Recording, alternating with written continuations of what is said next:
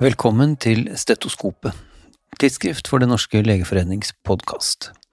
Hver annen uke med Caroline Ulvin Johansson og helseaktuelle gjester i studio, og hver annen uke Redaktørens hjørne der jeg, Are Brean, sjefredaktør i tidsskriftet, gir deg en høyst subjektiv, av og til litt uhøytidelig, gjennomgang av de nyeste forskningsartiklene, sakene og debattene i de største internasjonale generellmedisinske tidsskriftene. Også denne gang begynner vi i Ukraina. I forrige Redaktørens hjørne snakket jeg om hvordan angrep på helseinstitusjoner i krig har vært en bevisst krigsstrategi i mange væpnede konflikter, og at Russlands fremferd i Ukraina ikke er noe unntak i så måte. Slike angrep kan nettopp oppfylle militærstrategiske mål i krigens absurde og umenneskelige logikk. Og det samme kan tragisk nok sies om seksuelle overgrep i krig. I Ukraina er det rapportert at russiske soldater har begått både gjengvoldtekter og voldtekter eh, foran barn, skriver Genevieve Manel i en lederartikkel i British Medical Journal. Forskning på seksuelle overgrep i krig har vist at voldtekt er svært vanlig i væpnede konflikter, og at de kan være en del av en bevisst krigsstrategi. I Den demokratiske republikken Kongo har for eksempel utbrekte voldtekter vært en måte å øke kontrollen over territoriet på ved å terrorisere befolkningen. Og i Rwanda under angrepene på tutsiene på 90-tallet var voldtektene en måte å frarøve en hel befolkningsgruppe sin verdighet og humanitet. Og i det tidligere Jugoslavia var voldtekter sanksjonert av serbiske myndigheter som en måte å ødelegge både liv og reproduksjonsevne til bosniske muslimer på. I Rwanda var strategien særdeles vellykket, har en studie vist. Nå, 30 år senere, viser forskning at de mange uønskede svangerskapene fra den gang uh, har ført til utbredt tap av identitet i befolkningen, det har ført til brutte familierelasjoner og stigmatisering av en hel generasjon. Hvilken strategi som ligger bak den tilsynelatende utbredte seksuelle volden mot ukrainske sivile, gjenstår å se, skriver hun. Både forskere og politiske ledere må tenke lenger enn at seksuell vold er et problem for den mentale helsen til et lite antall uheldige individer. Dette er nemlig et problem som berører hele samfunn, og det er rett og slett svært mye som står på spill for Ukraina, også her. Og British Medical Journal har mer om Ukraina denne uken for medisinsk opplæring via Zoom og andre typer videokonferanser har blitt økende viktig måte å hjelpe helsearbeidere på innsiden av det krigsherjede landet på, skriver Joe Best i en feature-artikkel. Et eksempel er et kirurgiwebinar arrangert av David Nott-stiftelsen. Dette endagswebinaret var et krasjkurs i krigskirurgi og ble fulgt av hele 570 ukrainske leger. Også andre lignende organisasjoner har arrangert Zoom-kurs med flere hundre ukrainske leger som deltakere, ofte under dramatiske forhold med bombealarmer direkte under livesendingene. Også andre typer plattformer som WhatsApp er i bruk. Erfarne kirurger utenfor Ukraina kan her gi raske råd basert på korte kasusbeskrivelser, eller som en erfaren krigskirurg forteller Joe Best, bare tre setninger kan gi legen en plan.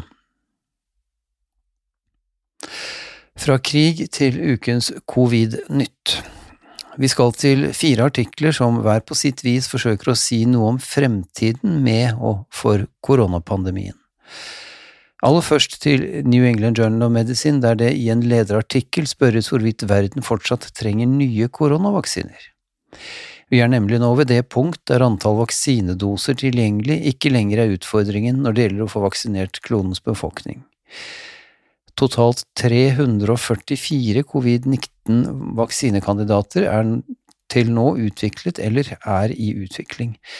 31 av dem er allerede i storskalabruk ett eller flere steder i verden, og disse vaksinene har til sammen nå minst fem ulike biologiske prinsipper. Så hva skal vi med enda flere? Jo, skriver artikkelforfatterne, effektivitet og sikkerhet, de to viktigste målene for enhver vaksine, er ikke de eneste målene som avgjør om en vaksine tas i bruk i det enkelte land og region. Ulike typer helsevesen samt ulike subpopulasjoner og aldersgrupper kan profitere ulikt på vaksinene. Lokale distribusjonsforhold, behov for og hyppighet av boosterdoser, kostnader samt mulighet for lokal produksjon spiller også inn. Kort sagt, verden trenger fortsatt enda flere ulike typer koronavaksiner. Og nettopp to slike er nylig presentert i New England Journal of Medicine. Karen Hager og medarbeidere presenterer effektivitet og sikkerhet av en plantebasert koronaviruslignende partikkelvaksine, og Liam Pai Dai og medarbeidere en reseptorbindende domene-dimer-basert vaksine. Begge studiene er fase tre-studier, og begge vaksinene viser konkurransedyktig effektivitet og sikkerhet overfor flere varianter av SARS-CoV-2 sammenlignet med eksisterende vaksiner men studiene ble riktignok avsluttet før fremveksten av omikron-varianten og dens subvarianter. Det ser altså ut til at verden har fått to nye prinsipper for utvikling av effektive koronavaksiner. I seg selv kanskje intet foreløpig stort gjennombrudd for kampen mot dette viruset, men flere prinsipper for vaksineutvikling betyr sannsynlig gode nyheter for å enda raskere og mer effektivt kunne møte nye varianter i fremtiden. The Lancet på sin side skriver i en lederartikkel denne uken at nå som stadig flere land løfter på koronarestriksjonene, vil det være en grov feilvurdering å tenke at pandemien er over. Det er nok å minne om situasjonen i Kina, der myndighetene fortsatt holder på en isolasjonsstrategi i utsatte områder, mens store deler av risikogruppene i samfunnet fortsatt ikke er vaksinert. Dessuten, skriver The Lancet, er den globale vaksineringen fortsatt langt fra å være vellykket. I mer enn 40 land i verden er fortsatt under 20% av befolkningen vaksinert. Nå er derfor tiden for å planlegge, lære av feilene så langt, og bygge sterkere og bedre helsesystemer nasjonalt og internasjonalt. Vi trenger bedre beredskapsplaner, systemer for datadeling og transparente systemer for overvåkning. Nå er ikke tiden for å glemme pandemien, men for læring og selvransakelse er budskapet fra The Lancet. Det samme budskapet på omtrent samme tid kom i en lederartikkel i Science for noen dager siden. It ain't over till it's over, heter den betegnende nok, og kritiserer Biden-administrasjonen i USA for nærmest å erklære pandemien for over. Follow the science, følg vitenskapen, det var Bidens lovnad i valgkampen. Det er ikke det de nå gjør, skriver Science.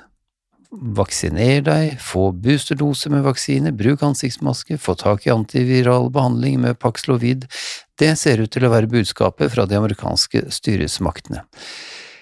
Men hva med alle de som ikke har tilgang til dette, eller ikke har kunnskap nok til å forstå at det trengs? Situasjonen minner om da de første antiretrovirale medikamentene mot hiv-viruset eh, kom, skriver Science. Da ble ikke hiv-epidemien borte, den bare flyttet seg. Den flyttet seg til det globale sør, til lokalsamfunn som allerede var preget av store ulikheter i helse. Å få slutt på dette viruset handler på samme måte ikke om private valg, det handler om populasjonsbaserte tilnærminger.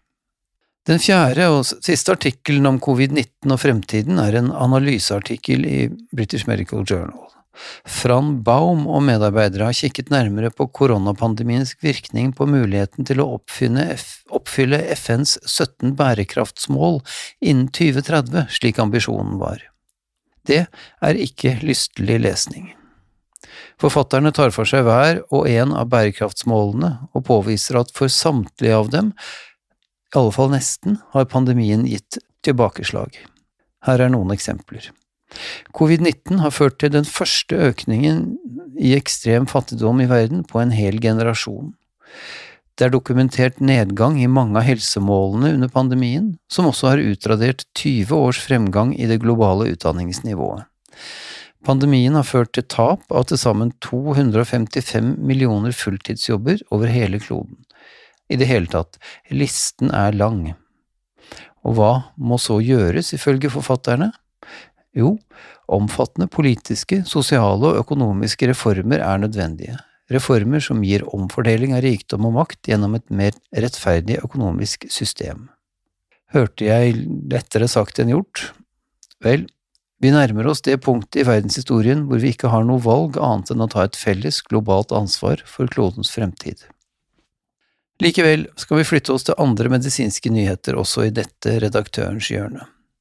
Vi skal dog foreløpig holde oss i British Medical Journal, der en stor internasjonal retrospektiv kohortstudie har sammenlignet behandling og utkomme for pasienter med STEMI og non-STEMI hjerteinfarkt i seks land med svært ulike helsesystemer, nemlig USA, Canada, England, Nederland, Israel og Taiwan. Personer over 66 års alder innlagt på sykehus mellom 2011 og 2017 med hjerteinfarkt ble inkludert i studien. Endepunktene var tredelt. Andel av pasienter som fikk koronar revaskulariserende behandling, mortalitet og effektivitet. Det siste målt som lengde av sykehusoppholdet og som 30 dagers reinnleggelsesfrekvens. Forskjellene var store, mellom de undersøkte landene i alle de tre endepunktene. Alle var gode på noe, men ingen var gode på alt. Eksempelvis varierte frekvensen av koronar revaskularisering fra 36,9% i England til 78,6% i Canada. Ett års mortalitet varierte fra 18,9% i Nederland til 27,8% i USA og 32,3% i Taiwan og 30 dagers reinnleggelsesfrekvens var lavest i Taiwan med 11,7 og høyest i England med 23,1. Land kan lære av hverandre, konkluderer forfatterne, ved å bruke internasjonale sammenligninger som dette for, for å studere hvordan eget system kan forbedres. Og, kan man legge til, medisinsk behandling foregår ikke i et vakuum, men er høyst avhengig av hvordan helsevesenet organiseres. Et eksempel fra denne studien er den påfallende høye forekomsten av bypass-operasjoner på denne gruppen i USA, mye høyere enn i de andre landene, og høyere enn internasjonale retningslinjer tilsier. Det, mener forfatterne, kan være et resultat av at dette er en prosedyre som i det amerikanske Medicare-systemet er svært godt betalt for sykehuset.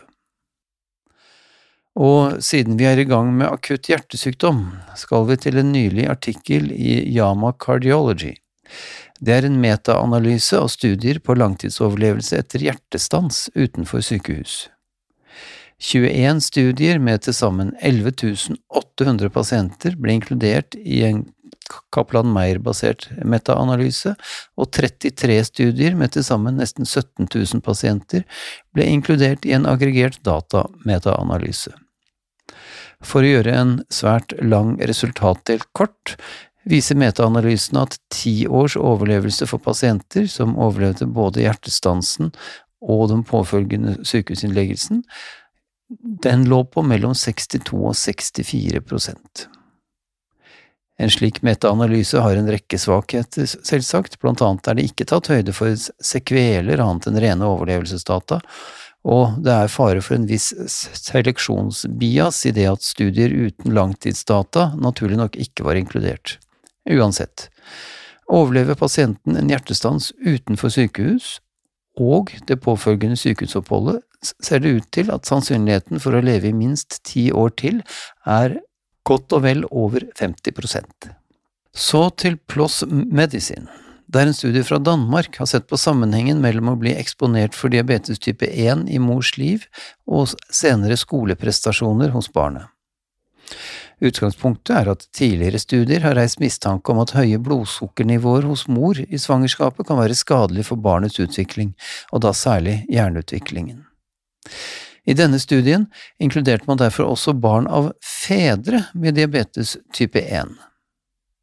Studien var en populasjonsbasert retrospektiv kohortstudie fra 2010 til 2016, og som inkluderte noe over 600 000 barn, hvorav noe over 2000 hadde mødre med diabetes type 1, og noe over 3000 hadde fedre med diabetes type 1. Senere skolekarakterer i matematikk og lesing ble benyttet som endepunkt i studien. Både barn av fedre og mødre gjorde det svakt dårligere enn referansepopulasjonen på disse skolekarakterene. Konklusjonen blir at det ser ut til at det er det å ha en forelder med diabetes type 1 som i større grad forklarer denne negative sammenhengen, enn det er uheldig påvirkning av høyt blodsukker på hjerneutviklingen under svangerskapet. En elegant designet studie, dette, og et eksempel på hvordan medisinske sannheter kan og bør utfordres. Når det er sagt, er dette nok ikke hele sannheten, for hjerneutvikling innbefatter og påvirker så veldig mye mer enn bare skolekarakterer i matematikk og lesning, og det gir denne studien ikke svar på. En såkalt insiderartikkel i Science eh, for nylig forteller historien om Anna Abalkina, en sosiolog fra Berlins frie universitet, som siden 2019 har overvåket et nettsted som tilbyr en ulovlig måte for forskere å polere CV-ene sine på. Dette nettstedet, som drives fra Russland, tilbyr åpent salg av forfatterskap på vitenskapelige artikler som snart skal publiseres, for priser som varierer fra noen hundre til nesten 5000 dollar per artikkel. Aller dyrest er det å kjøpe seg en førsteforfatterplass i et ettertraktet tidsskrift, Abalkina har studert mer enn 1000 slike annonser for forfatterskapsplasser og har funnet igjen minst 419 av disse artiklene som publisert i ulike vitenskapelige tidsskrifter. Mer enn 100 av dem ble publisert i 68 ulike tidsskrifter drevet av etablerte og seriøse utgivere også, som Elsevier, Oxford University Press, Springer, Nature osv. osv. Og dette nettstedet er langt fra det eneste som driver denne type svindelforretning. Det er etter hvert svært mange nettsteder, såkalte paper mills, eller papirfabrikker, som driver på samme måte, og som i økende grad korrumperer den vitenskapelige litteraturen ved å forfalske forfatterskap eller tilby forhåndsskrevne artikler. Både Committee on Publication Ethics og International Committee of Medical Journal Editors har regler og rutiner for tidsskrifter for å hindre denne type svindel.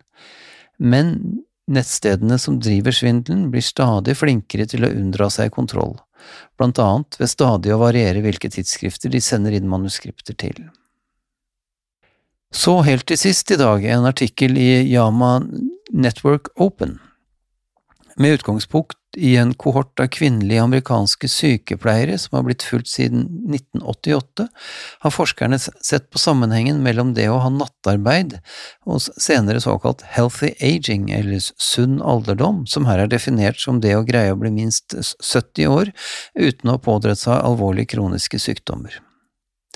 Blant de over 45 000 deltakende sykepleierne sank sannsynligheten for en sunn alderdom signifikant, med økende varighet av nattarbeid i karrieren, med en trend allerede etter ett til fem års nattarbeid.